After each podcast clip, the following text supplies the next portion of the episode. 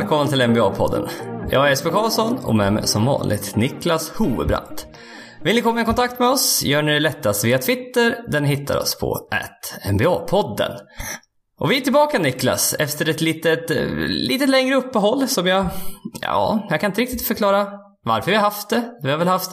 Har haft rätt mycket att göra och vad scheman har krockat. Men eh, Det, nu det, är vi mest, tillbaka. det mesta handlar ju om att du fick storhetsvansinne efter SR-intervjun och sa jag kommer inte jobba med dig, you peasant.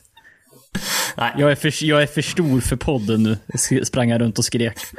Sen tog det två veckor, han hade inte fått andra erbjudanden, så kom han tillbaka hit. Var det inte så? Ja, Ja. Jo, det, stämmer. Jag var tvungen att... Jag, jag, jag, jag kom tillbaka till jorden snabbt där. Ja, det, det, det, tog, det tog några veckor, men sen så landade, landade bollen liksom. Ja, jag svävar lite grann, men... Ja, För vi- visst, visst var det så att det, det senaste ljudmediet ni, ni eventuellt har hört från oss var då på Sveriges Radio? Mm, ja, det tror jag. Jag tror inte vi spelade in någon podd efter det faktiskt. Nej, det jag känns var det. Ja, alltså det var kul att få vara med i, Sveriges, Sveriges Radio och prata basket i de traditionella medierna. Det, jag, tror, att, jag gissar att det inte är så vanligt. Nej, det är, inte- så mycket man hör i alla fall. Även för en annan Nej. som är intresserad av basket så är det inte... Man, men man hade ändå snappat upp ifall det var någon som råkade prata om basket någon gång. Mm, men precis. Nej, så det var, det var, det var jättekul att få vara med och eh, prata lite inför säsongen. Och eh, ja, jag tror, jag tror det klippet finns ute fortfarande om man vill lyssna på det.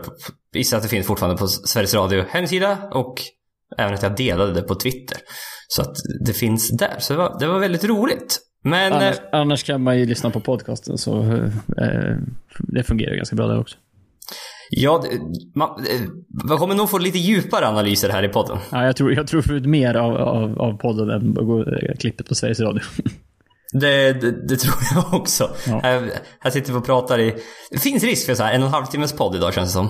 ja, lite lätt så. Det finns... Eh, Men det är Mycket- sånt vi, vi, vi får ju... om. Ja, vi får ju liksom skylla oss själva när vi...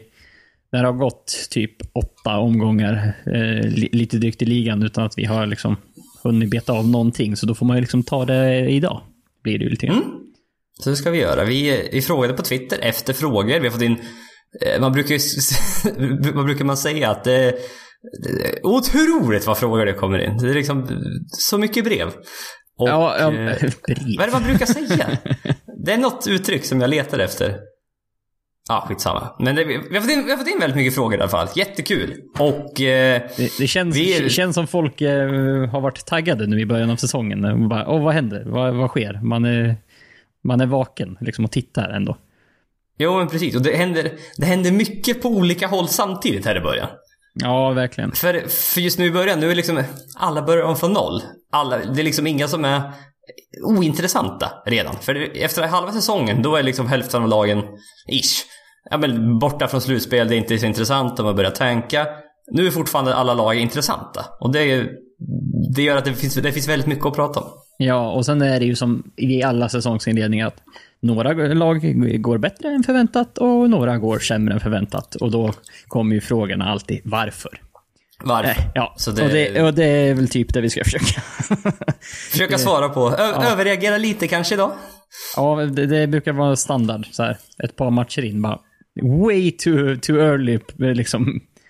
Eh, Ja, bara, reactions. Man bara ja de ta, suger. ta, tar från det jät, jättelilla sample size som finns nu.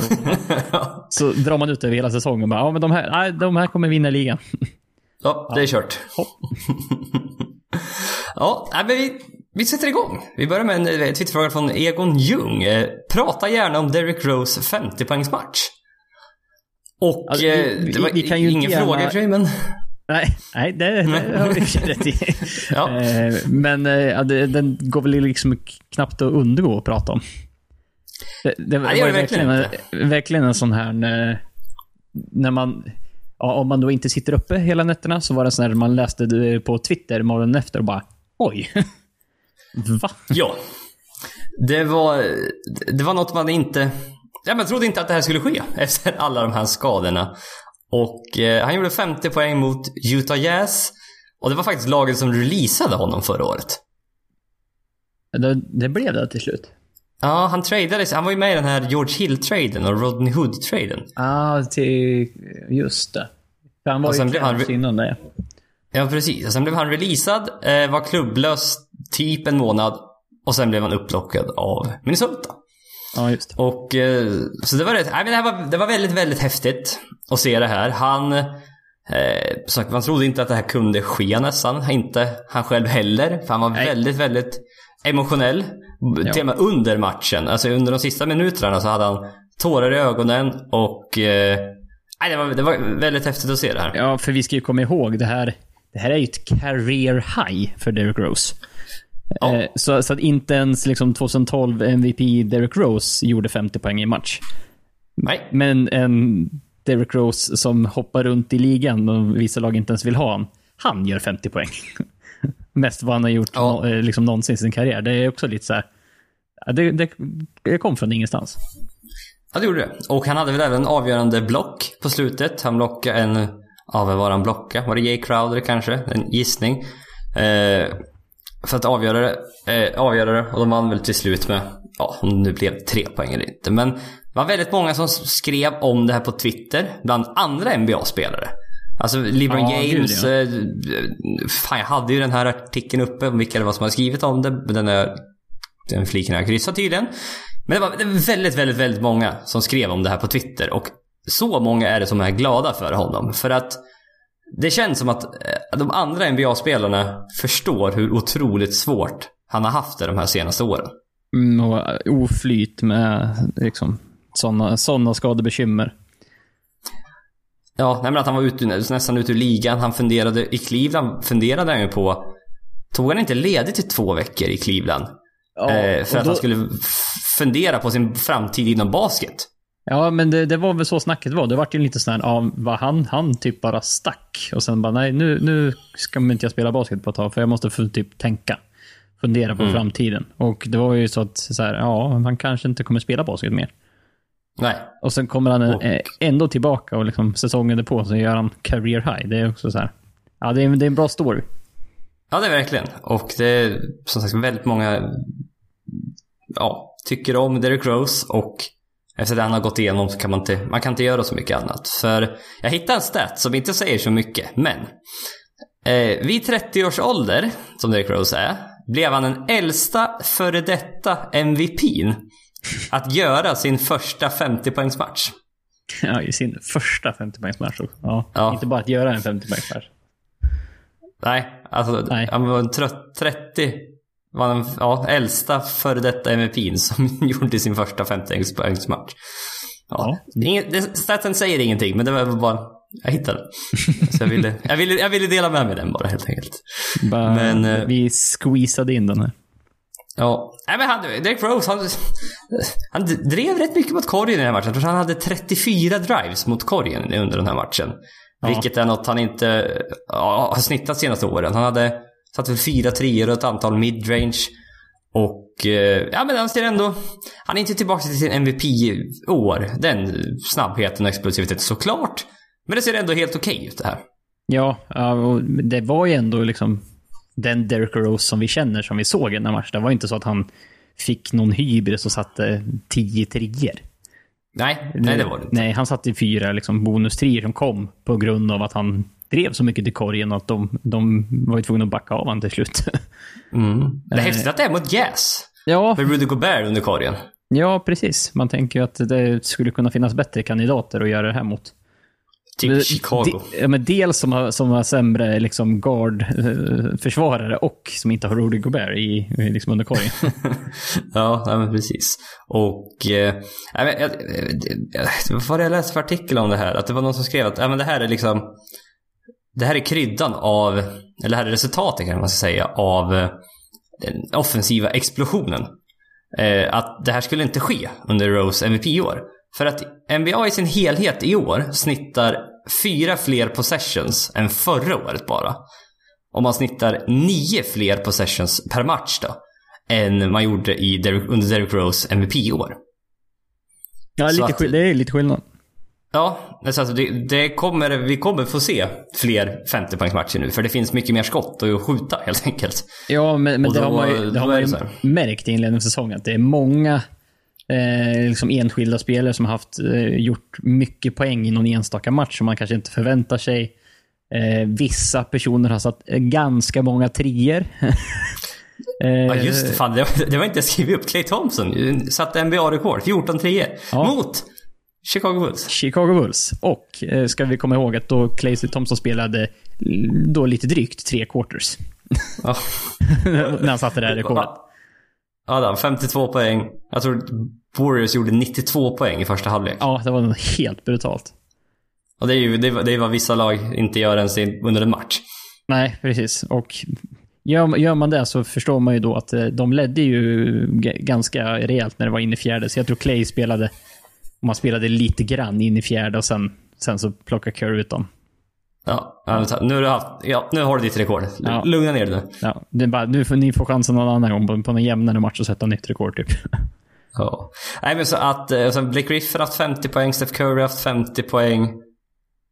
Ja, det är väl de fyra 50-poängsmatcherna jag kommer på just nu. Ja, men det är som sagt det är ganska många 50-poängsmatcher bara på, som sagt, 7-8 omgångar eller vad det kan ha gått. Ja, ja men så Det är inte så vanligt. Eh, nej, det är det inte. Och det här är en trend som kommer fortsätta. Offensiven kommer att fortsätta dominera här i NBA. Vilket eh, jag tror det är något som ligan vill. För det är väldigt... Jag tror fans i allmänhet gillar offensiv. Det händer något hela tiden. Pang, Ja. pang, pang. Det går fort. Och det är inte Ja, de här 80-80 matcherna när man spelar mm, typ, ja det närmsta i tiden är typ Memphis Grizzlies. Där de spelar sitt grit and grind spel. Att det går långsamt och det är lite sådär. Utan nu är det skjuter löjligt mycket treor och det är en otrolig pace i, i spelet just nu. Ja, jo men så är det. Och det, det är ju mer underhållande att titta på match, när spelare går, går loss och skårar massa poäng än att båda lagen typ har, i- har det tufft och skjuter bara contestade skott och liksom sätter 40%. Mm. Dock kan de här treorna ibland bli lite mycket. Ja, jo. För, för mig när jag bara, tittar när det ibland. att bara det bara, är treor. Ja, det är såhär bara, åh, kom igen. Något annat kan du väl försöka skapa liksom i offensiven. Ja, nej, vi går vidare som eh, ja, bygger lite på samma, ja, samma lag i alla fall. Eh, Fråga från Bengt Klein. Kommer Butler att stanna i Minnesota? Den eh, 100 000 kronors frågan tänkte jag säga. Den som vi har haft uppe. Eh, Ja, det är det. vi Pratar väldigt mycket om det här. Ja, vid ett par tillfällen känns det som. Ja, och han vilade i den här matchen mot Utah Jazz när Derrick Rose gjorde 50 poäng. På grund av body soreness. Ja, eh, general soreness.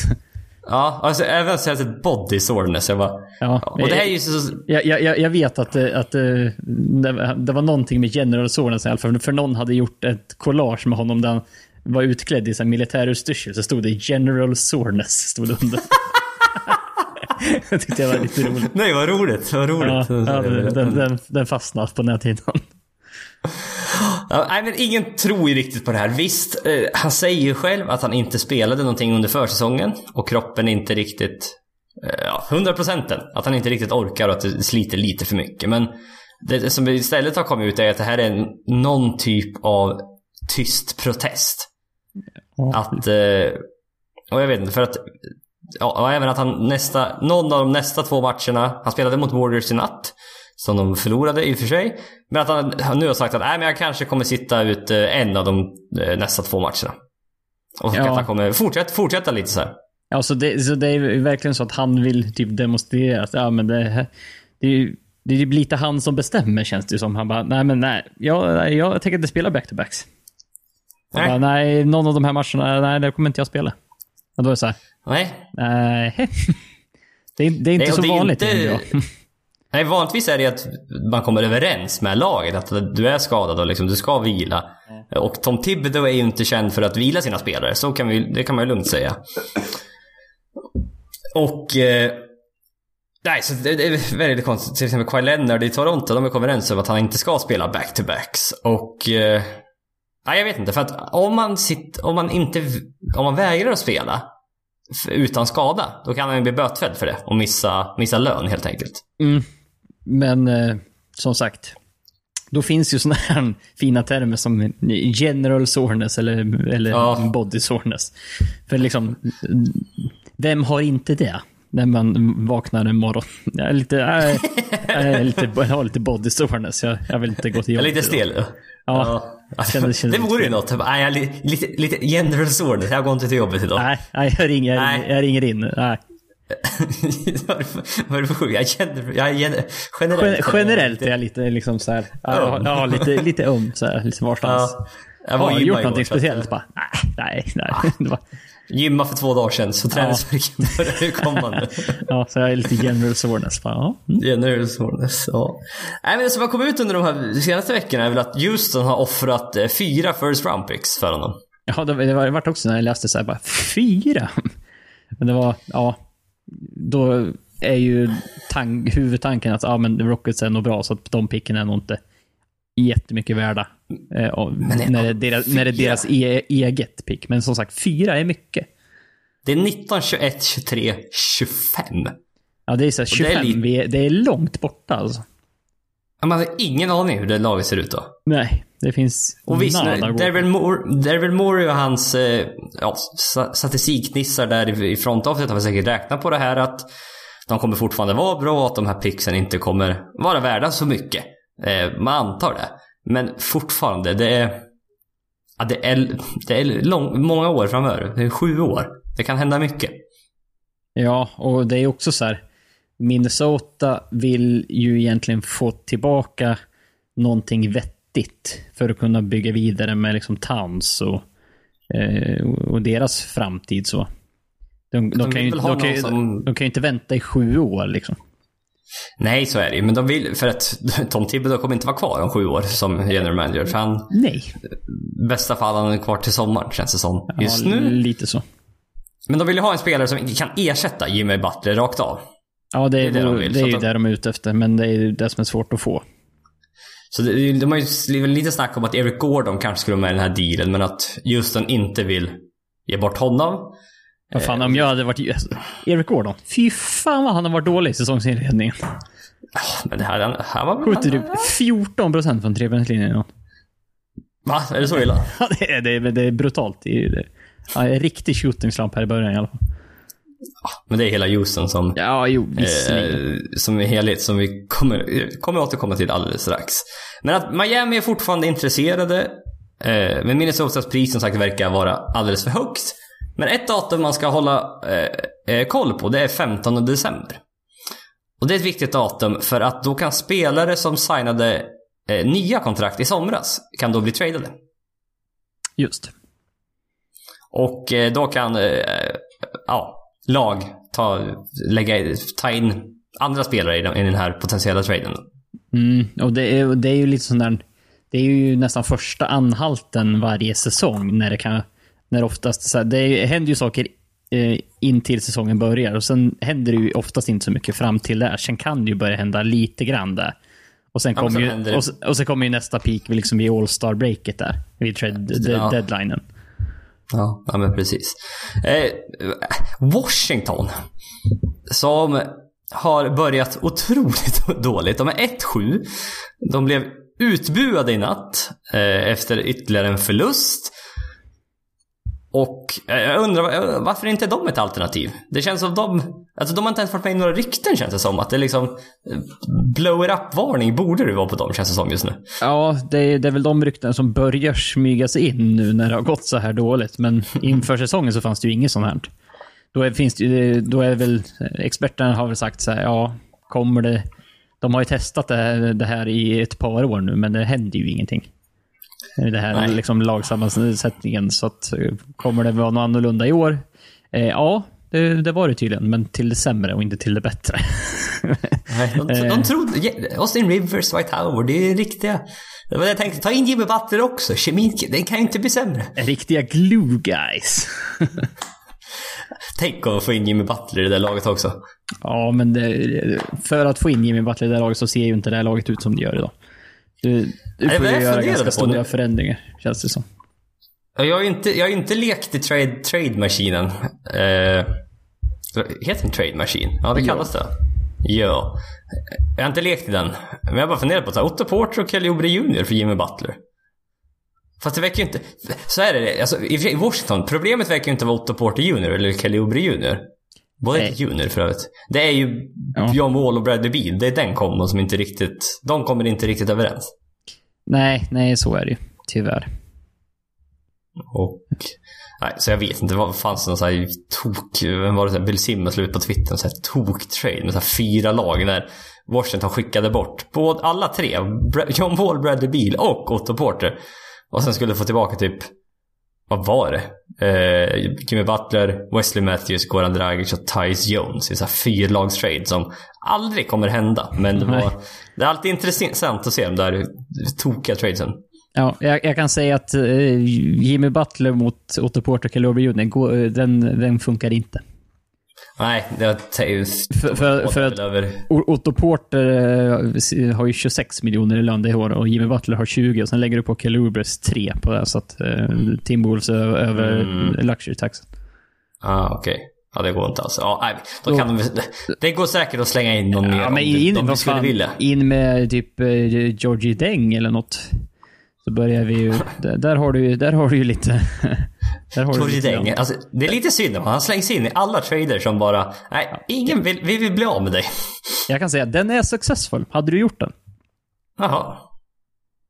Jimmy Butler. Georgie Deng mot Otto Porter Kelly Oubre Jr. ja, det är spännande. Jag tror, jag tror inte den kommer ske, men det är ju en, det är en idé i alla fall. Ja, men det är så Minnesota. Då, då får de ju... De får ju inte en bra spelare att sätta liksom med en riktigt bra spelare med Towns och Wiggins, men de får, Två de får rätt, okej. två, två rätt bra spelare. Ja, men Otto Porter kan ju då sätta in i startfemman. Och har Kelly Ja, Jr ja. off the bench. Och är båda rätt unga. Det är väl sagt att Otto Porter är lite överbetald. Eh, Måste man ändå säga. 26 miljoner är lite väl mycket, men...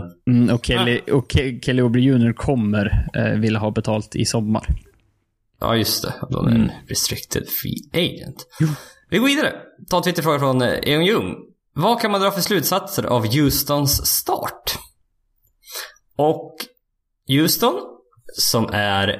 Eh, få upp rätt flik nu Jesper. Houston, är- som är 2-5. Ja.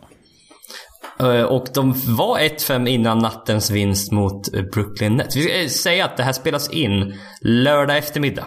Det är inte säkert att jag hinner redigera den och lägga upp den idag. Utan det finns eventuellt en risk att den kommer upp på söndagen. Men då, då vet ni när, när vi, vad vi, när vi vad, diskuterar. vad, vi har, vad vi har att gå på. Ja, nej men precis. Nej, så just, nu- just nu 2-5. Väldigt, eh, väldigt, väldigt seg start. Och eh, ja, vad, vad beror det på Niklas tror du?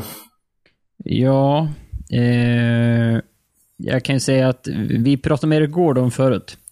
Eh, jag, jag, han sköt inte 14% från tv men han sköt 23. Skjuter Ja, som det var inte... Han kanske var asbra i natt. Jobba upp sig. Ja, ja, eventuellt. Men... Eh, och sen, vi ska väl komma ihåg, eh, Chris Paul missar väl, var det två matcher? Avstängning. Ja. Eh, I Spitgaten. Eller vad man, eh, Ja, vad man väljer att kalla det för. Den har vi inte heller pratat om. Nej, just det. Var inte heller. Fan Niklas, vi måste skärpa till oss här. Ja, lite så. Eh, Men eh, den antar vi att eh, ni alla har sett. Ja, om I, ni inte har gjort det så... matchen i Houston Lakers. Ja. Som var den, var den andra matchen som Lakers har vunnit för övrigt. Men har ni inte sett- tittat på det så gå in och gör det. Det finns väldigt, väldigt mycket om det. Ja, så, Eh, och men Chris Paul har missat två matcher, ja precis. Nej, det var inte. Nej, okej. Nej, men så här, James Harden har också missat tre matcher. Just. James Ennis har missat tre matcher. Och... Eh, nej, men de, som sagt, de har haft lite skadeproblem här i början. Det märks att de saknar Trevor Ariza och Luke Mbamute. Ja, det, de är inte alls lika djupa, det här laget längre. Nej, för de passade in perfekt som duktiga defensiva wings eh, bredvid eh, James Harden och Chris Paul. Nu eh, Trevor Reason som sagt fick eh, väldigt mycket pengar i Phoenix. Det är väl tveksamt om Houston var beredda att gå så mycket över lyxskatten för att ta in honom.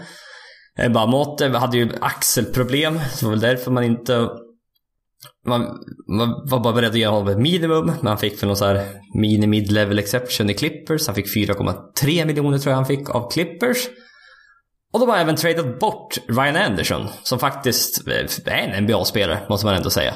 Eh, ja, och de, de har Marcus Chris som, liksom, som de fick in då. Eh, ja, han, han, han, har, han, har spelat, han har spelat två matcher, men det är typ fem minuter och han har inte gjort någonting. Och det, på nej, de, han... de minuter han har varit inne så skjuter han 28% från golvet, så att det är liksom... Är, nej, ja, för jag, inget, jag tittade lite... Nej, för jag tittade lite på, här på, net, på net ratings på de här spelarna i Houston. Och jag, jag kommer ihåg, jag, jag skrev upp en Marquis Chris, men jag tror han var minus 40 per 100 possessions eller något sånt här. Och det var inget vidare.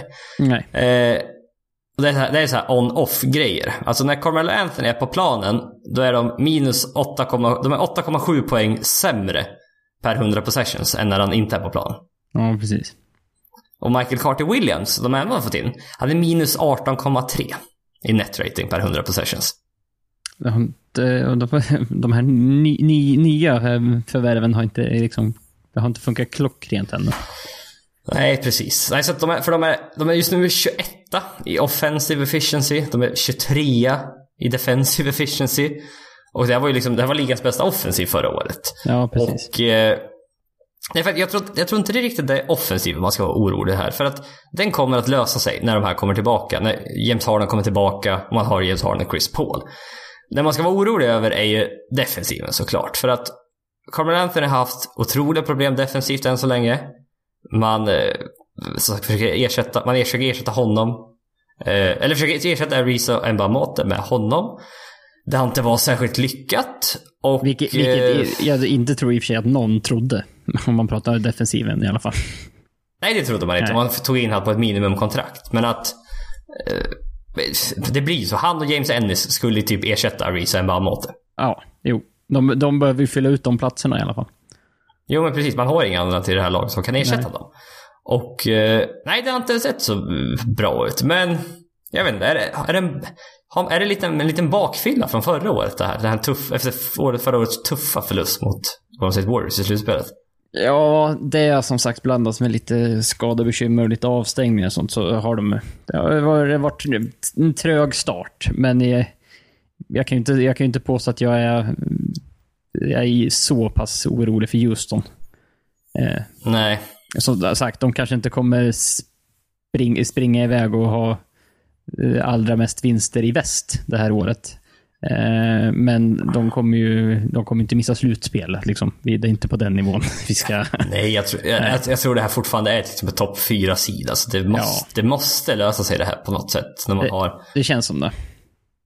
Ja. Nej, så det är som sagt, det, Ska man vara orolig? Ja, lite, lite orolig ska man vara när det är så här dåligt. Men man vann 65 matcher förra året och att det är då ett tecken på att de inte är riktigt lika bra som förra året. Det tror jag. Ja, men, som sagt, eh, de kommer nog inte vinna lika mycket matcher i år. Det, det, det tror vi inte heller. Men eh, de, de, kunde ha startat, haft, de kunde ha haft en bättre start på säsongen än det här också. Man, om ja. man säger så. Mm. Nej, men jag, gissar, jag gissar fortfarande ja, 50-55 vinster fortfarande. Alltså. Jag, är, jag, ska in, jag, jag har inte gett upp hoppet än för Nej, inte jag heller. Nej. Vi går vidare. Ta en Twitterfråga från Emil Göransson. Är Milwaukee Bucks på riktigt? De ser riktigt bra ut under Budenholzer. Kan de utmana Celtics över 7 games i slutspelet? Och eh, Milwaukee, de är 7-1. Tror jag. Ja. Om jag inte är helt De förlorade, förlorade mot Boston. Ja, de förlorade mot Boston här i uh, torsdags, uh, torsdag natt.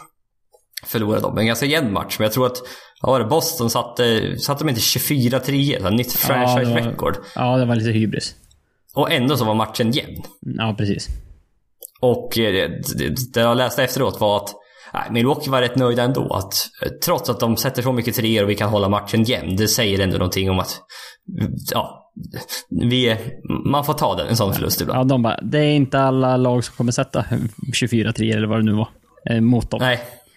Nej. Det, det, det, det, kanske händer då och då, men som sagt inte varje, varje match de kör.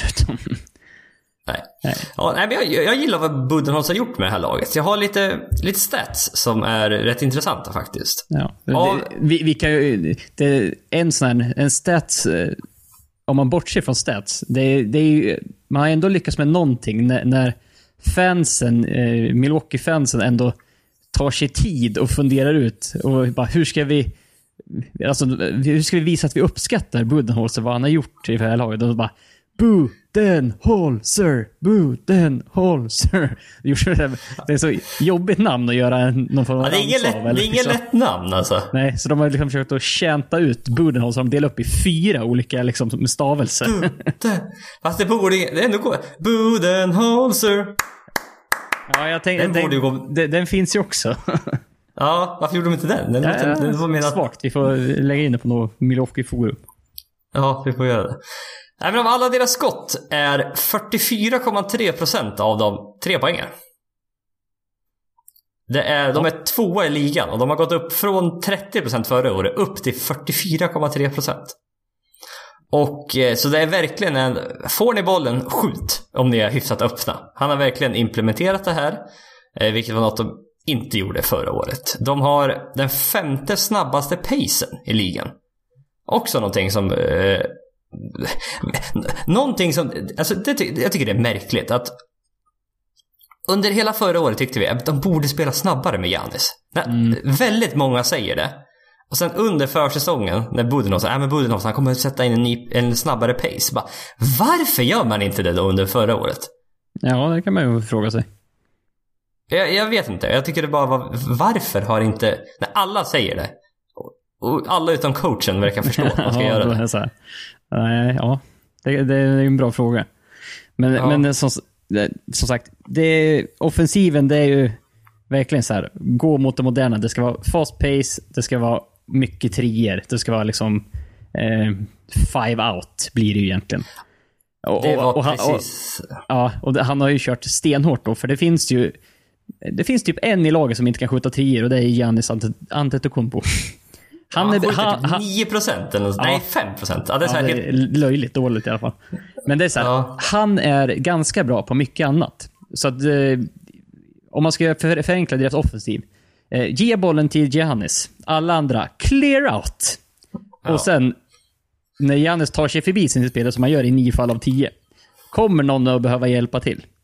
Då passar Giannis dig. Då skjuter du. Ja. Ja. Förenkl, förenklat i offensiven. Ja. och det funkar. Och det, det som har gjort att de kan göra det här är att de har signat Brook Lopez. Och Ja. det är en signing som jag verkligen, verkligen gillade. För de fick honom på ett minimumkontrakt. Och jag... eh, Att ingen annan ville signa honom. För han är, han är, han är en center som skjuter typ, jag tror han sköt 36% från trepoängslinjen i år. Och mot Philadelphia bland annat så satt jag tror han satte fem treor mot Philadelphia. Ja, Fast Joel Embiid vill- fyra eller fem, någonting sånt. Ja. Och Joel Embiid vill väldigt gärna hjälpa till under korgen. Eh, och försöka blocka skott och skydda korgen. Men står då Brook Lopez i hörnet eller ute, ja, ute, ute vid trepoängslinjen någonstans. Så kan inte Embiid göra det. Nej. Så att det gjorde att han blev, blev öppen ganska mycket under den matchen. Ja. Och Jag, jag, tror till jag tror det var som du sa, att jag tror han satte fem tre och jag tror att eh, Giannis assisterade på fyra av dem. ja, det kanske var så Ja, det var. jag tror jag för Mm, mig att det var så. ja. Så det, säger, det- det, det säger ju en del. och, och, Ja, och, det, ja, men, det- äh, och det är ju, ja, förlåt. nu, nu så här, de, de, är, som sagt, de ligger jättebra till i trepoängs eh, liksom produktionen. Mm, Men det är ju det är inte så att de har blivit massa dåliga skyttar blivit heta, att de sätter svåra skott. Det är att de får en jävla massa öppna trier. De, Ja, de har typ 22,6 per match eh, jämfört med 14 förra året. Ja. Det är liksom en jävla skillnad. Och, och, och de här 22,6, är- det är flest öppna skott, i, eller öppna trier i ligan. Mm. Ja, det är rätt häftigt faktiskt. Ja. Och för att, jag, jag tänkte, Brook Lopez är typ en, en av de få stretch fives, verkligen. Ja, han Alltså, var, han han var ju inte det för ett par år sedan, men i år, alltså, nu är han ju där. Det är häftigt, den, den, eh, hur han har utvecklats som spelare. Och verkligen har anpassat sig till den. För förut var han en low post-spelare som snittade 20 poäng på match när han spelade i Han, snittar, New Jersey och Brooklyn och allt ja, möjligt. han snittar 20 poäng, så tog han typ 4,8 returer. Ja, han, är, ja. han har aldrig varit någon riktigt bra re re returtagare. Det har han det, det, Men har, han, det har vi alltid gett han skit för. Ja, men han är ändå seven feet. Och Mm. du kan aldrig lära någon att vara lång som sagt. Men Nej. Budenholzer har lärt sig ganska mycket av Popovic. Och de switchar inte lika mycket i försvaret. Nej, för det, Vilket- för det var ju typ, som sagt, de har följt med den här trenden i offensiven. Eh, pace and space och skjuta treor. Men trenden defensivt har ju de senaste åren varit att, nej men switcha allt. Ja. Ha- Har den ju varit. Och det, Milwaukee gjorde ju det fullt ut, typ förra året. Men det funkar Ja, ju varför de- uppenbarligen inte. Nej, det gjorde inte det. För de har ju, man tänker att de har typ, de har ju, de är väldigt långt lag. All- De har väldigt många som är runt 6-8 och bara switchar allt. Det borde lösa sig. Men just med, med Brook Lopez som är... ha- Han är ganska långsam i fötterna. Ja. Och just när han blir switchad då på en mindre spelare har han väldigt svårt att vakta dem. Så de försöker att gå över screenerna väldigt mycket eh, när, eh, när han är med i en pick and roll. Och eh, när Brook Lopez då är med i en pick and roll, nej då ska vi inte switcha. Nej. Och eh, de har lö- lyckats lösa det ändå, ändå liksom. Och eh, de har också åtta i defensive rebounding percentage. Vilket en- var en kategori de var sist i förra året. Ja, och de är typ tvåa i blockade skott också. Ja. Vilket de också var eh, lång, alltså långt ner förra året. Så det är ju...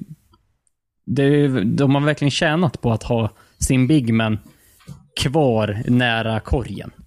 Att Ja. han inte är ute vid trepoängslinjen och blir, blir isolated på, på en guard. Liksom.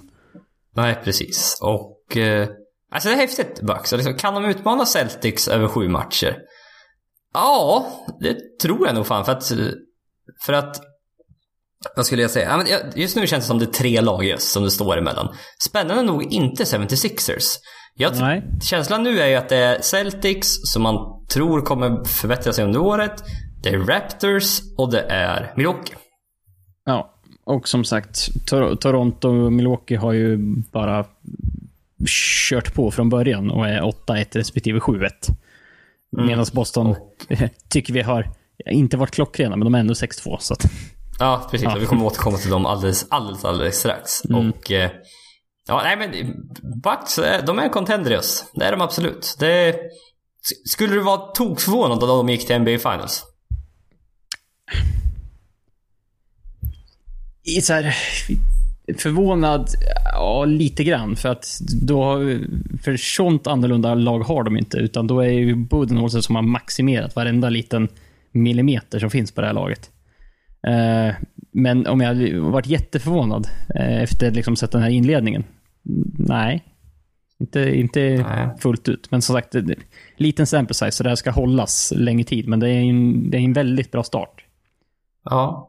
Nej, men jag, jag, skulle inte vara jätteförvånad, men lite förvånad skulle jag bli om de går till NBA Finals. Men Mm. som sagt, inte, inte lika förvånad som om Indiana Pacers hade gått till NBA Finals. Då Nej. hade jag varit jätteförvånad. Ja, det hade jag också varit. Mm. Men som sagt, lite förvånad. Men på, är, frågan, är Bucks på riktigt? Ja, de är på riktigt. Det skulle jag också säga. Mm. Och, och Det vi, det. vi, vi ska ju komma ihåg att alltså, Giannis rent statistiskt, han har ju inte, faktiskt inte gått loss på något sätt eh, i inledningen på den säsongen. Han, han har ju spelat bra, spelat stabilt, men det har inte varit någon sån här tok-inledning Det är, som inte, alla kan... det är inte 37 poäng på match. Utan Nej, det alltså, för- som är vi- 26, 13, 5 eller sånt. Ja, men som vissa liksom varnar för att ja, men det här är kanske säsongen han liksom går loss. Det har han Mm. inte gjort än, så att, och det känns som att han fortfarande kan göra det. Så det finns ändå även lite sparkapital där, att han kan nog göra en del om han behöver. Mm. Precis. Nej, men sagt, laget överlag har spelat bra. Ja. Så det är det som är den här boosten som de har fått istället. Twitterfråga från Bengt Klein. Är Hay- Gordon Hayward en felsatsning? Då kommer vi in på Boston Celtics. Ja, det gör vi. Och eh, en felsatsning. Jag, jag, jag tolkade den frågan som att, eh, att att man inte ska spela honom alls. Är det, är det, är det så illa det han tänker sig? Eller vad, vad, hur tolkar du frågan? Ja, men det är så här... En felsatsning. Skulle man aldrig ha tagit in Gordon Hayward? Det här, med, med facit i hand än, än så länge, nej, kanske inte. Nej, Eftersom han, men, var, ska, men- eftersom han var skadad hela förra året. Så att, ja, vem trodde att han skulle bryta benen efter fem minuter? ja, nej, det, det går ju liksom inte förutse. Nej. Nej, men så... Äh, Gordon Hayward har sett väldigt, väldigt rostig ut här i början. Ja. Eh, han vågar inte driva mot korgen. Han är väldigt försiktig och det, det, det ser lite långsamt ut. Allt ser lite ja, rossigt ut helt enkelt. Ja, han, det här, han, det är han, han har ju blivit typ en liten trepoängsskytt. Han, han skjuter 40% från trepoängslinjen, men, men han skjuter typ 42 från golvet. Så han är Ja. och dåligt från free throw också. Så att eh, han har Hur många, liksom, hur många straffkast har han på match? eh, 1,9. Free throw attempts per match. Ja. Free throws made Ja, det- 1,1. Free throw attempted Mm. 1,9. Ja, två straffkast per match visar ju tydligt exempel på att han inte driver mot korgen i alla fall. Nej, han har om, över sin karriär har han snittat typ, alltså under de eh, bättre säsongerna så är han ju upp mot eh, sex eh, Ja. straffkast per match. Eller drygt. Mm. Så att det här är väldigt tydligt. Nej men det här är förståeligt efter en skada. Det, det kommer ta ett tag det här. Och eh, just nu så, han skadar mer än hjälper Boston Celtics just nu, känns det som.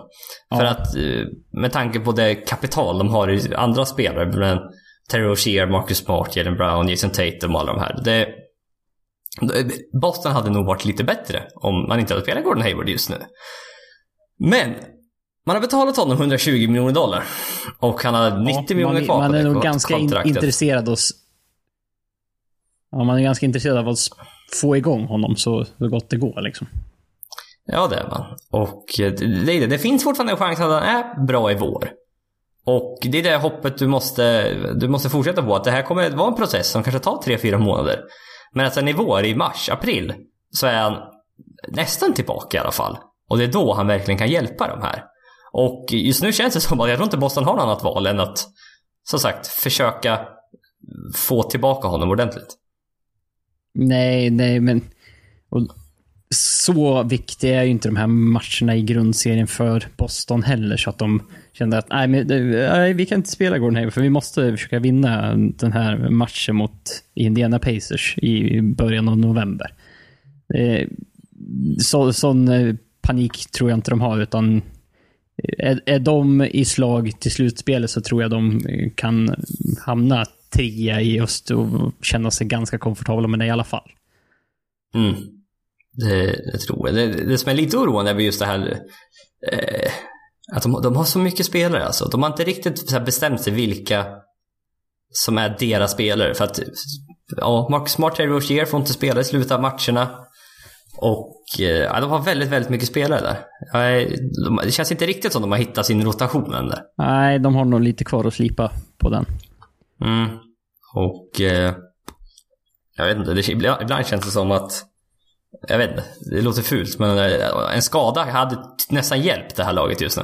Bara för att då blir det tydligare på något sätt. Men eh, Ja, men som sagt. tänka så. Nej, och det hade ju hjälpt dem på kort sikt. Eh, Problemet Ja, kvarstår, det är väl ju, det som är- kvarstår ju på lång exakt. sikt. Så det är, det är, ju Ja. ingen, det är ju ingen bra lösning att gå Tonya Harding, eh, någon.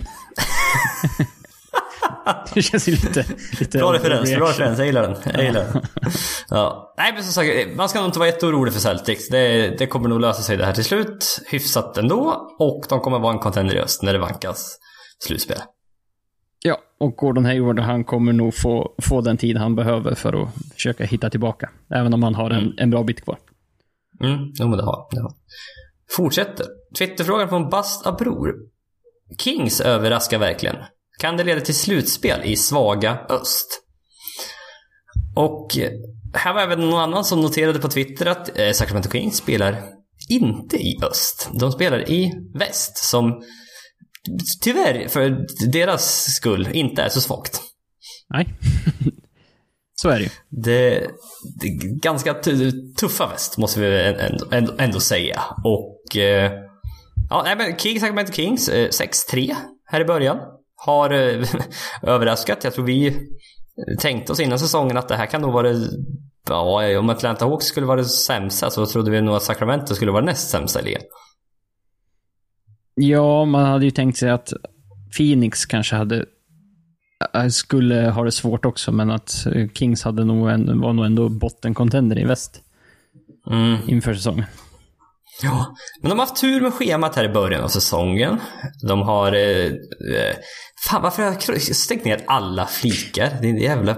Alltså de, de, vin, de vinsterna de har eh, än så länge är mot eh, Oklahoma, Memphis, Washington, Miami, eh, Orlando, Atlanta. Ja. De har förlorat mot Nuggets, Pelicans, Jazz. Ja, så att de har ju haft ett par, man har mött Atlanta, man har mött Orlando Magic, man har mött Washington som verkar man, man falla kan, isär. Man, man, kan säga så här att eh, när de har mött väst, eh, förutom Grizzlies och Oklahoma, så har det inte gått så bra. Men när de har mött östlag, då har det gått väldigt bra. Mm, precis.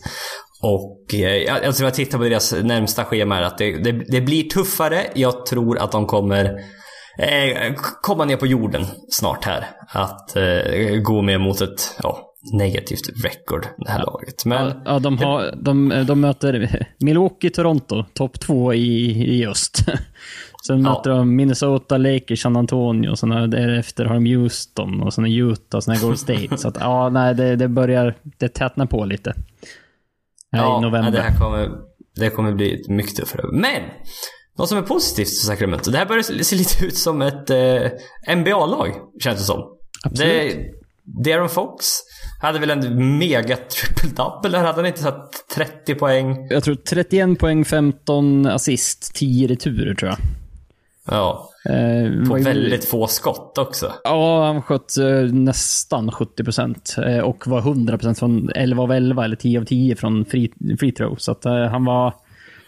Han var bra för mitt fantasylag kan jag säga. Den ja, det, väldigt, det var ju kul för dig. Ja, jävla det... piss.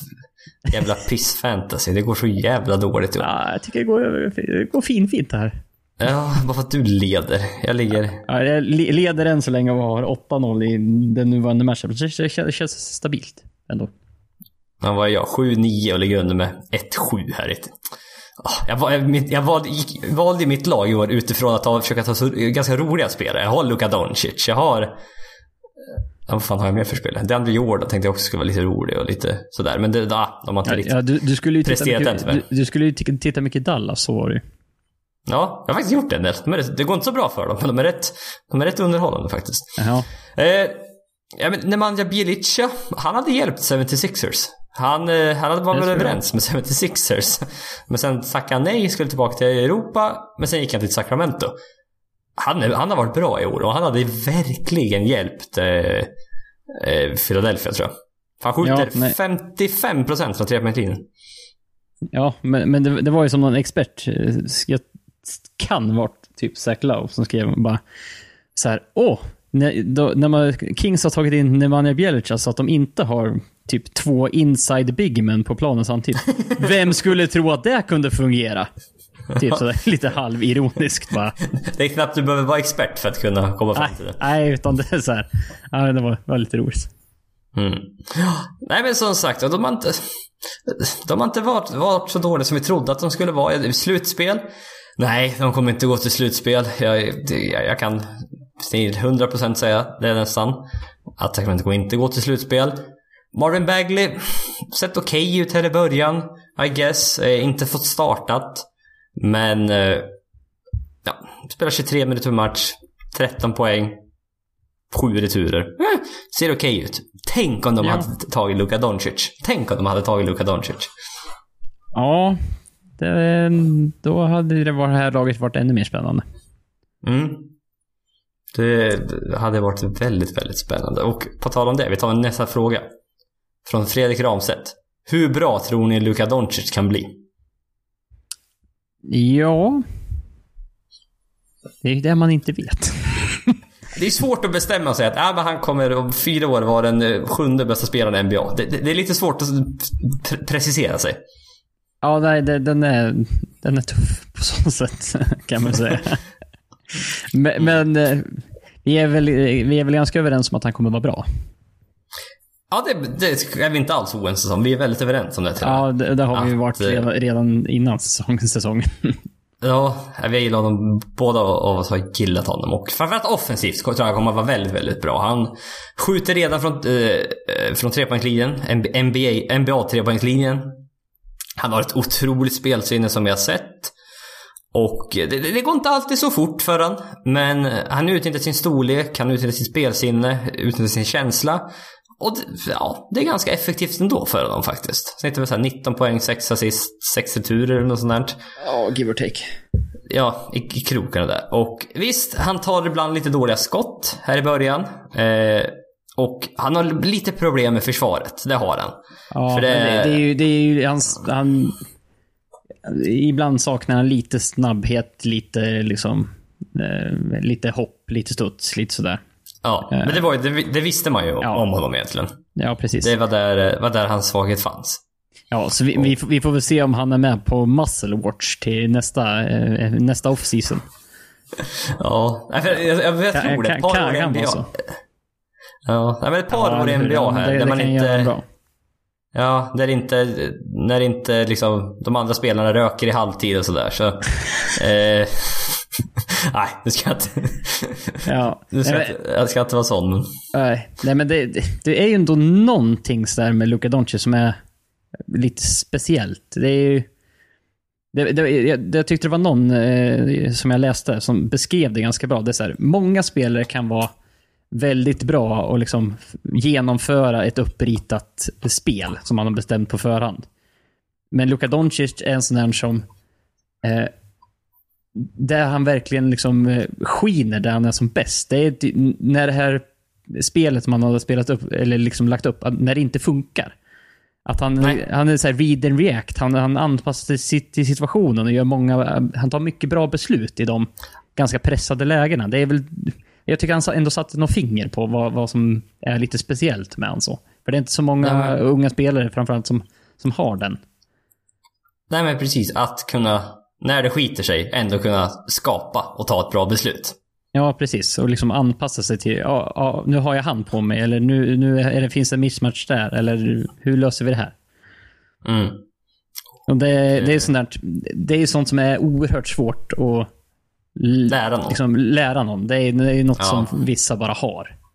Mm. Ja, för det är som de säger, det, det, att lära folk att bli bra passare, eller få ha bra sp- spelsinne, det går nästan inte. Antingen Nej, har du eller så har du inte. Du kan lära någon att skjuta, du kan lära någon att hoppa, du kan lära någon att... Ja, men vi- vissa grejer går att lära liksom. Bättre ballhandling. Men som sagt, vissa grejer går inte att lära. Antingen har du eller så har du inte. Nej, precis. Och, och, och därför så, så tror ju vi så mycket på honom, som sagt. Eh, han kommer kunna träna upp sig och hoppa lite högre och vara lite snabbare.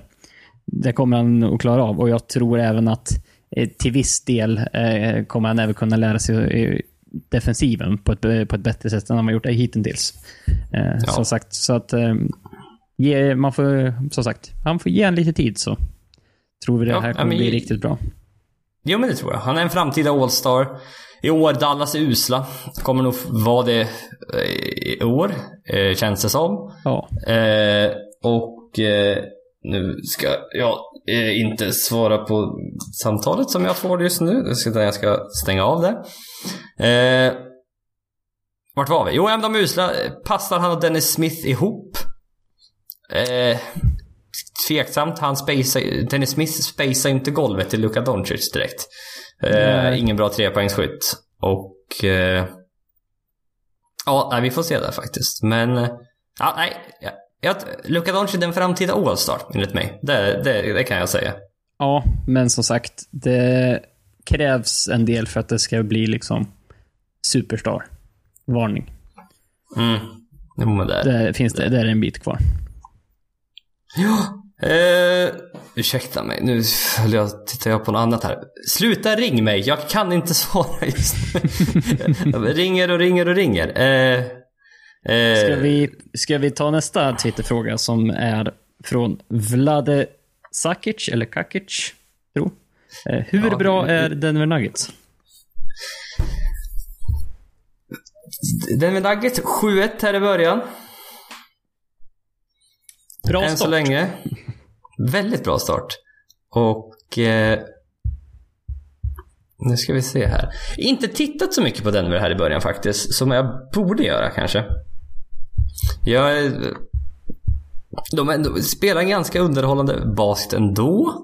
Eh, Nikola Jokic är ju alltid eh, en av dina favoritspelare i alla fall. Ja, ja, ja, men det är det. Absolut. Ja, nej, jag, tänkte, jag trodde eh, Jokic ledde laget i alla kategorier, men han, Paul Millsap hade gått om han i blocks. Nej. Så han leder i steals, assist, rebounds och points just nu. Men de, har- de har väl haft en, ett ganska lätt schema här i början om jag, om jag har förstått det rätt. Eh, ja, deras schema än så länge har ju varit...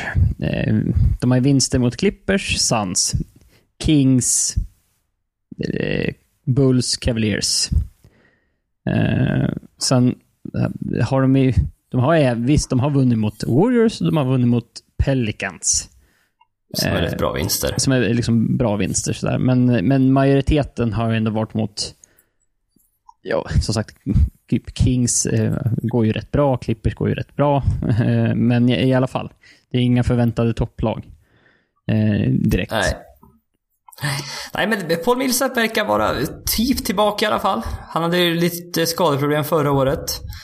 Eh, ganska mycket skadeproblem och såg inte ut att vara sig själv. Han verkar, vara, verkar komma tillbaka. Okej i alla fall. Eh, eh, och vad heter han? Jamal Murray heter han, tack. Eh, funderar på vad han hette i förnamn. Eh, Jamal Murray, Gary Harris ser bra ut. Jag tror båda skjuter 27% från trepoängslinjen. Eh, men har lyckats skåra på andra sätt än just eh, från trepoängslinjen. Och eh, jag tror även att de har, deras, de har en assisterande coach. Han heter Wes Unseld Jr. Och det är sonen till den före detta, ja, Bullet-spelaren Wes Unseld. Ja, det är bara, han är son till Wes Unseld Senior. Ja, det, det stämmer. Som var, spelade i Bullets bland annat. Vann inte han MVP ett år? ja, det var det jag tänkte också. Han, han är den, på, på 2K var han ju någon, han var ju någon sån här reward-spelare på My Team, om det var förra året eller två år sedan. Han var, han var ju en, jag, jag tror fan han stod som center typ, men han, var, han är ju typ inte knappt två meter. Ja, man är väldigt undersized att vara center. Och jag har fått för mig att det var så här, det finns, jag har gjort en quiz kommer jag ihåg. Men så här, kan du gissa alla MVPs i historien? Och det är alltid ett par på 70-talet som du glömmer bort att de har vunnit. Ja, Och han är en av dem. Att bara, jaha, han har vunnit en ja. bara, ja just det. Eh, ja, för på 70-talet var det väldigt, det var lite, ja, om inte Kareem Abdul-Jabbar vann så var det ganska utspritt. Ja. Eh, slutet 60-talet, början, början 70-talet där. Ja, nej, men han har gjort att jo, Nikola Jokic hedgar mer i pick and rollsen. Eh, eh, han har tydligen... Ja, förra året sjönk han ner rätt mycket eftersom han är, ganska, han är ganska långsam i fötterna. Så han sjönk ner och de kunde skjuta, eh, ja, så fort han kom runt picket så kunde man skjuta. Men han hedgar lite mer och eh, det är en av grejerna som gjort att deras försvar bättre. De var faktiskt trea i defensive rating än så länge. Eh, under säsongen. Vilket är imponerande. För de har väl haft, förra året var ett av dina stora problem var väl defensiven framförallt. Ja. För att eh, Nikola Jokic, vet, som vi vet, är ju ingen, ingen, det är ingen Rudy Gobert man har där bak. Nej, det är det inte. Långt ifrån. Som tur är har han ju annat att erbjuda i offensiven. Jo, men det har såklart, såklart. Men, Ja, i- Jokic har- var ju, är ju också en av de här som i inledningen av säsongen hade någon så här, eh, hade en tokmatch. Han hade ju då en, en klar tri- Ja, tri- triple-double eh, där han var 100% från golvet. ja, 11 av 11 från golvet tror jag var, va? ja, jag har för mig att det var det också. Jag, ska, jag tänkte bara Ja. titta den också så man... Eh, Men jag Ja, tror det- det, var va- va- bara han och... Ja, ja, förlåt. nej, det, var, det var i match två för säsongen mot Phoenix. Då, då Mm. var han 11 av 11. Han hade 35 poäng, 11 assist, 11 rebounds, 4 Mm. steals. En block liksom var så här. Ja, och sen var 11 av 11 från golvet och 3 av 3 från straffkastlinjen. Ja. Han var väl den enda sen, jag tror det är han och Will Chamberlain som har haft en triple-double och har samtidigt varit 100% ifrån golvet. Ja, okej. Mm. Ja, det, är, det är inte så vanligt. Det, Nej, som sagt, han är i gott, i gott sällskap där. Ja, nej men jag, Nuggets, de är, många trodde ändå en, en hel del på dem i år och eh, Ja, nej, men ett, ett topplag bakom väst. Jag tror det är också topp fyra sida är nog Denver. Får vi nog börja räkna dem som nu. det är så, de, laget är inte så himla annorlunda mot, eh, mot förra året, men det är väl folk eh, tycker väl att mm, ger man dem lite mer tid så borde det, Jo, men det, borde det gå. de har, liksom. ja, men har många unga spelare som liksom hoppas på att någon av dem ska utvecklas liksom in, efter varje år. Och eh, även att Paul Millsap är eh, tillbaka och hel, tror jag betyder mycket. Ja, ja, det gör ju en ganska stor eh, skillnad faktiskt. Sen, som sagt, Will Barton, eh, vad sa vi? Ja, sa vi? Sex, sex sex, veckor. veckor, va? För tio dagar sedan i och för sig, så det är väl fem, fem veckor. Ja, fem veckor då.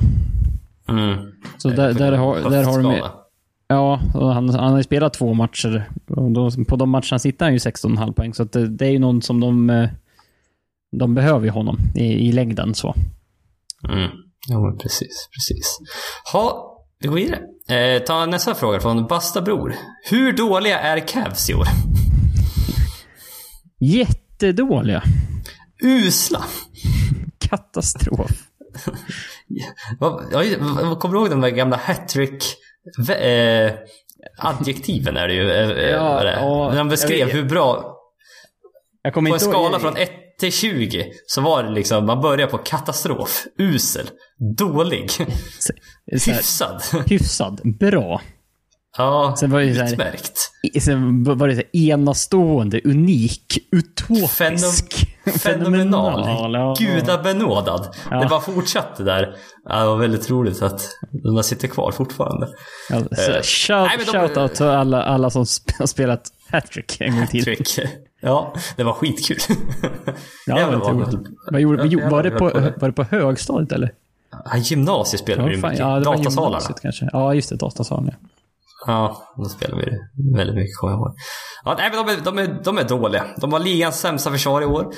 Man har redan spar, sparkat eh, Ty Lue. Eh, Kevin Love kommer missa sex veckor på grund av en vad var det, operation på en tå va? Ja. Ja.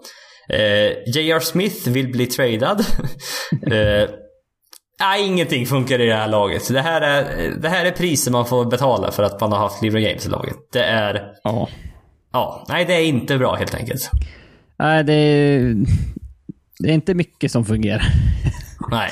Det känns som, som sagt, det är dålig kemi. Det är eh, inte så mycket, även om kemin skulle vara bra så spelarna som finns där är inte så himla mycket att ta av heller. Nej. Det är inte så imponerande. Nej. Och det här, jag vill faktiskt, jag, jag är inte så sugen på att prata om de här faktiskt. Det är, de är skitdåliga och kommer troligtvis vara väldigt dåliga i år. Nej, jag, jag, jag, det var, var någon som pratade om att säga, ja men Jordan Clarkson, han har haft eh, han, har, han, han borde få mer boll, för han har, han har gjort det hyfsat eh, när han tar egna avslut. Eh, eh nackdelen är att han passar du bollen till Jordan Clarkson, då, kommer du inte få, då får du inte tillbaka bollen. För, för att typ jättehög procent av hans possession slutar i turnover, foul eller att han skjuter. Jättefå Ja. av de possessionerna när han får bollen slutar med att, eh, att, han, att han får en assist, om man säger så. Ja. Ja, det, nej, för jag, det var, jag, var så löjligt låg procent. jag kommer ihåg förra året när jag tittade på honom så eh, om jag skulle få beskriva honom. Han var, han var väldigt bra i offensiven, förutom att få bollen i korgen. Han var bra fram till den där väldigt, väldigt avgörande ögonblicket när bollen ska gå i. Ja, Mm. det var min eh, känsla att han var väldigt duktig på att skapa skott till sig själv. För det är han, det är han duktig på. Ja, ja. Men att bollarna gick fan aldrig tyckte jag. Nej, Och som sagt, han passar aldrig bollen. Så att... Eh, nej. Men som sagt, det, han är bra på att ska, skapa skott, men inte att sätta dem eller att passa vidare. passa att, eh, vidare. ja, Ja. Då, då, då, då, då är frågan hur bra man är. Ja, jag vet. Men det, är- det är kul alltid hur man- kan, hur man kan eh, vad ska man säga, beskriva olika spelare. Ja. Ja. nej, eh, jag kommer nog inte kolla på den där Cleveland-match i år känns det som. Det finns risk för det. Eh, nej, det, det ska nog mycket till. Jag kommer in, Var- och, om, om det skulle vara så att jag tittar på en Cleveland-match kommer det inte vara för att se Cleveland, utan för att se det andra laget. Ja, Clippers eller möjligen Warriors. Ja, jag hade nog fan inte tittat på Warriors. Warriors Cavs. Det hade varit en för, för ointressant match. Ja, nej, Clippers kanske är möjligen den enda, enda jag skulle säga. Ha, vi tar nästa fråga. Från Noel Nordvall. Kawhi och Raptors chanser i slutspelet. Och eh, det var som sagt ett, eh, ytterligare ett av de här tre lagen då vi tror på i öst, eller som har börjat väldigt bra här i öst då. Eh, Toronto tillsammans med Milwaukee och Boston. Och eh, Kawhi har vilat ett par matcher. Han spelar inte backs to backs back-to-backs här i början av eh, säsongen. Just för att han... Ja, han, ska ta det, han har sagt att han... Det är väl laget som tycker det egentligen och att han accepterar det. Han accepterar liksom att vi... Ja, det är okej för honom att ta det, ta det lugnt, ta det långsamt liksom. Komma in i, komma in i säsongen här.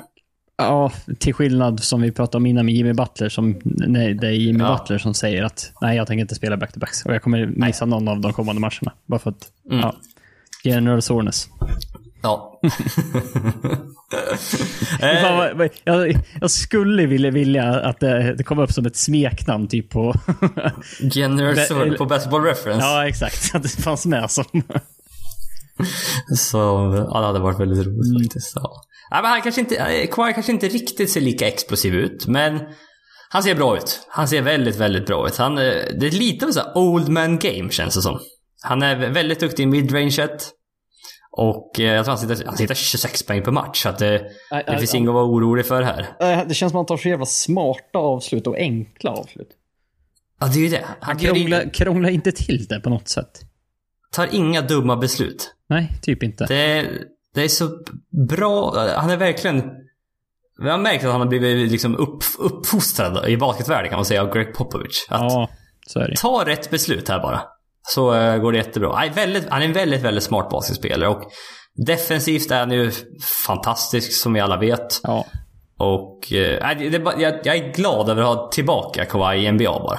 Ja, ja det är ju... Det är ju han ska ju vara här. Det, han, Mm. han bidrar ändå mycket. Och som sagt, jag var överraskad att han var tillbaka så här pass fort på en gång. Du trodde ju mer på honom än vad jag gjorde. Eh, Ja, jag trodde faktiskt. Jag trodde att det var... ja. Men du, Eh, du, trodde också var- på, du trodde också på Lakers, så att nu ska vi, nu, vi får lugna ner lite. Ja, men det, det, är tidigt än så länge Niklas. Tidigt än så länge. Tidigt. Ja. Man kan ta Toronto startade väldigt, väldigt bra. Det får du ta, ta åt dig. Lakers startar inte lika bra. Nej, men det, det kommer. Det kommer. Det kommer. Börjar tvivla lite redan, men det... Ja. Eh, Kyle Lowry börjar också rätt bra. Eh, rätt bra. Jag, rollspelarna i det här laget är de som är väldigt, väldigt bra. Ja, Alltså, det, har- det, är, det är ju inte så top-heavy. Nej, det är det, men de, de vet liksom sina roller. Liksom, Kyle Leonard, eh, Kyle Lowry är stjärnorna. Och de andra är rollspelare som gör det man ska göra helt enkelt. Man har eh, Fred Van Fleet off the bench som ser bra ut. Pascal Siakam har sett bra ut. Väldigt bra ut, Pascal Siakam faktiskt. Jag har sett lite Toronto-matcher just för att jag ville se eh, Kawhi Leonard. Jag tror Danny Green skjuter inte så bra från trepoängslinjen än så länge, men eh, ändå, ändå okej. Ibaka snittar rätt mycket poäng. Du, Dan, Ja, ja, ja. Danny Green, han skjuter 46% från trepoängslinjen. Okej, jag har inte statsen framför mig. Jag Nej, bara det- går på rent minne vad jag såg för S- Serge. Ibaka skjuter jättedåligt. Han skjuter 17% från trepoängslinjen. Men han gör mycket poäng. Det gör han. Han gör 16 poäng Ja. match typ. Mm, du ser. Det, det för att- Siakam skjuter 23%. Han är inte heller. Ja, men han- tre poäng skytt är han inte. Nej, det är han inte. Men han, han försöker. Han är, han är bra på mycket annat istället. Ja, men det, man kan ju lä- det man lägger märke till är att de har sju spelare som snittar över 10 poäng på match. I det här laget. Eh, Eh, som sagt, Danny Green, Siakam, van Fleet, Valanciunas, Ibaka, Lowry, Leonard. Tror man bör... Ja, jag tror man började spela, starta... Eh, vad heter han? Valanciunas. Men att man nu startar... Vad heter han? Ibaka? Herregud, hitta namnen Jesper för fan. Den där tror man- okända eh, spelaren Ibaka. Ja, jag vet Av alla, av alla du skulle tappa namn på så hade jag inte gissat på Ibaka. Nej, jag är lite besviken på. Nej, men så i början startade man Valanciunas, men nu har man startat tillbaka som center. Och man kör väl Kawhi Leonard, CJ Miles. Eh, CJ Miles har väl inte öppnat jätte, jättestarkt. Han har väl... Ja, Nej. 29% tre, trepoängslinjen, det var det jag tänkte. Ja. Nej, men man har OG Ananobi, man har... Ja, det är, bara, det är ett jävligt stabilt lag det här. Och eh, återigen, det här är ett... Det här är ett lag som eh, kan utmana Celtics. Det, är- det är de här tre det står mellan. Det, som, nu, det känns som vi upprepar oss, men Ja, det, det är så det är. ja definitivt. Och eh, Mm. en smakstart för, för Toronto kan jag väl säga. Och, Ja. och de är... Alla i Toronto är nog... Just nu är de nog jävligt nöjda med att de gjorde den traden. Ja, det här är... Det är samma lag som förra året, men man får en Kawhi Leonard som är snäppet vassare än DeRozan, måste jag ändå säga. Ja, det får man, Ja. det får man lov att erkänna. Ja, och... eh, Ja, jag, jag tror faktiskt på Raptors rätt mycket i år. Så jag tror, jag, det har sett väldigt, väldigt bra ut. Och det känns som den här... Jag vet inte. Den här slutspelsförbannelsen som man ändå får säga har hängt över dem. Kan den ha försvinna här nu med, med Kyle. Det, det, var, vad, vad det är väl vad vi får se. Nu vi ser, men jag börjar bli trött i munnen här nu efter vi har pratat så mycket. Ja, och det, det är ju så. Ska man dra det här lite längre, Kawhi Leonard är ju en lite dark horse MVP-kandidat. Eh, om man då liksom tar in att Raptors kommer fortsätta gå bra den här säsongen. Eh, och Kawhi Leonard kommer vara den bästa spelaren på det här laget. Eh, o, liksom, onekligen. Och i många mm. andra lag så är det alltid lite tudelat. Så här. Antingen så spelar de här riktiga MVP-kandidaterna i ett lag som kanske inte kommer vinna lika mycket matcher som Raptors. Eller så spelar de med någon annan som är bra som stjäl röster från dem. Typ mm. läs Golden typ State. Golden State Wars. Men Steph Curry. Ja. Favorit, tidig favorit till MVP faktiskt. 32 ja, det... poäng per match än så länge. Ja, han, han, har, han har... Som skjuter ur en kanon har han börjat den här säsongen kan man väl säga. Mm. Eh, ta en avslutande fråga här. Eh, från Billy Lindfalk. Jerebkos roll i Golden State Warriors? Och eh, måste ju såklart avsluta prata om Jonas Jerebko. Han har ju haft en Nej, bättre, bättre inledning får man ju än vi hade hoppats på nästan. Det, ja. Han har haft en game winner, han har producerat, producerat highlights med bland annat en behind the back-passning till Kevin Durant. Och nej, det, han, han får känns mycket, bara som det har varit lyckat än så länge. Ja, han får mycket lovord av de här Durant och Curry och liksom de bara, ja men eh, det är skönt, det är skönt att han har liksom hittat tillbaka och kommit igång och det är, han, han gör det bra. ja.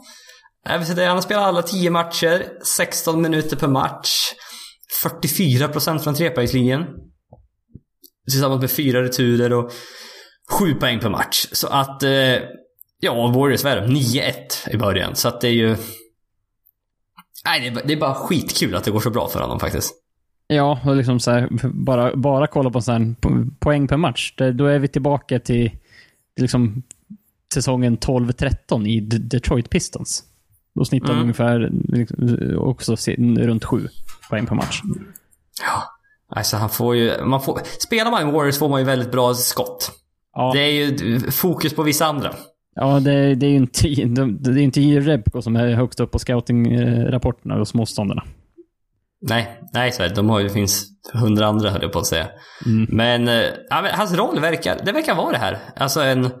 Eh, kommer, kommer off the bench, får spela i slutet på första kvarten, början på andra. Och sen respektive slutet på tredje, början på fjärde. Och eh, ja, men det verkar faktiskt som att man får uppenbar, spela. Uppenbarligen i slutet av fjärde också i, i vissa fall. Ja, med tanke på att han hade en game winner. Ja, exakt. Ja. Alltså det är skithäftigt. Och det verkar ju då... Vad jag ville säga var att det verkar som att vi kommer få, även få se honom i framtiden. Vilket är väldigt ja, kul. Ja, det är, det är ju framförallt det som man tänker att... Vad kul att han kommer vara med. Och säg att Golden State, som inte är helt omöjligt, att de går och liksom och vinner ett slutspel och vi har en Jerebko som ändå eh, inte har åkt någon snålskjuts på att få en NBA-titel, utan faktiskt har liksom varit med och bidragit till det här laget. Ja, men precis. Han har faktiskt det, spelar någonting och bidrar. Det... Ja, och liksom då är, det hade ju varit askul. Rent mm. sagt. Ja, men verkligen. Och det, skrivs, det skrivs om, om dem i ett, vanliga sporttidningar också. Ja, alltså, eh. har sett eh, Sportbladet har varit eh, skrivit ett par gånger. Dels om hans game winner ja. och dels om den här behind the back-passen till Kevin Durant ja. han hade här, här, om, här om natten. Ja, alltså det är, det är väldigt, väldigt kul att han får fortsätta spela och att det, det går så bra. Ja, som sagt, han, ja. han, är ju, han är ju nyttig på många sätt. Och kan han skjuta över 40% från trepoängslinjen, då är det ju asbra. Ja, sen, sen kommer han ju alltid... Ja, sen kommer han alltid, som sagt, spela hårt och ta lite returer. Det, det, det vet vi att vi kommer få från honom. Ja, så att det är jättekul och hoppas att det, hoppas att det fortsätter. Vi fick in ett par andra Twitterfrågor. Vi fick från Simon Brinskog om framtida svenskar i ligan. Finns någon på gång? Eh, vi svarar snabbt. Inte en aning. Eh, In, vi inget, vet inte. Inget som har dykt upp på vår radar. Nej, precis. Eh, fick även frågor från Billy Lindfalk om vem blir Most Improved Player, Six Man, Rookie of the Year och så vidare. Vi återkommer med det. Det där, ja. är, det där är utmärkelserna tar de, de tar tid att fundera på och det tar även en liten tid att svara på. Eh, så att vi... Ja, för vi, Vi sparar dem Vi, faktiskt. vill ju gärna, vi, vill, ju- vi brukar ju inte bara vilja säga ja, jag tror på han eller jag tror på han, utan vi brukar ju gå igenom lite kandidater, vad som talar för dem, vad som talar emot dem och sen, ja.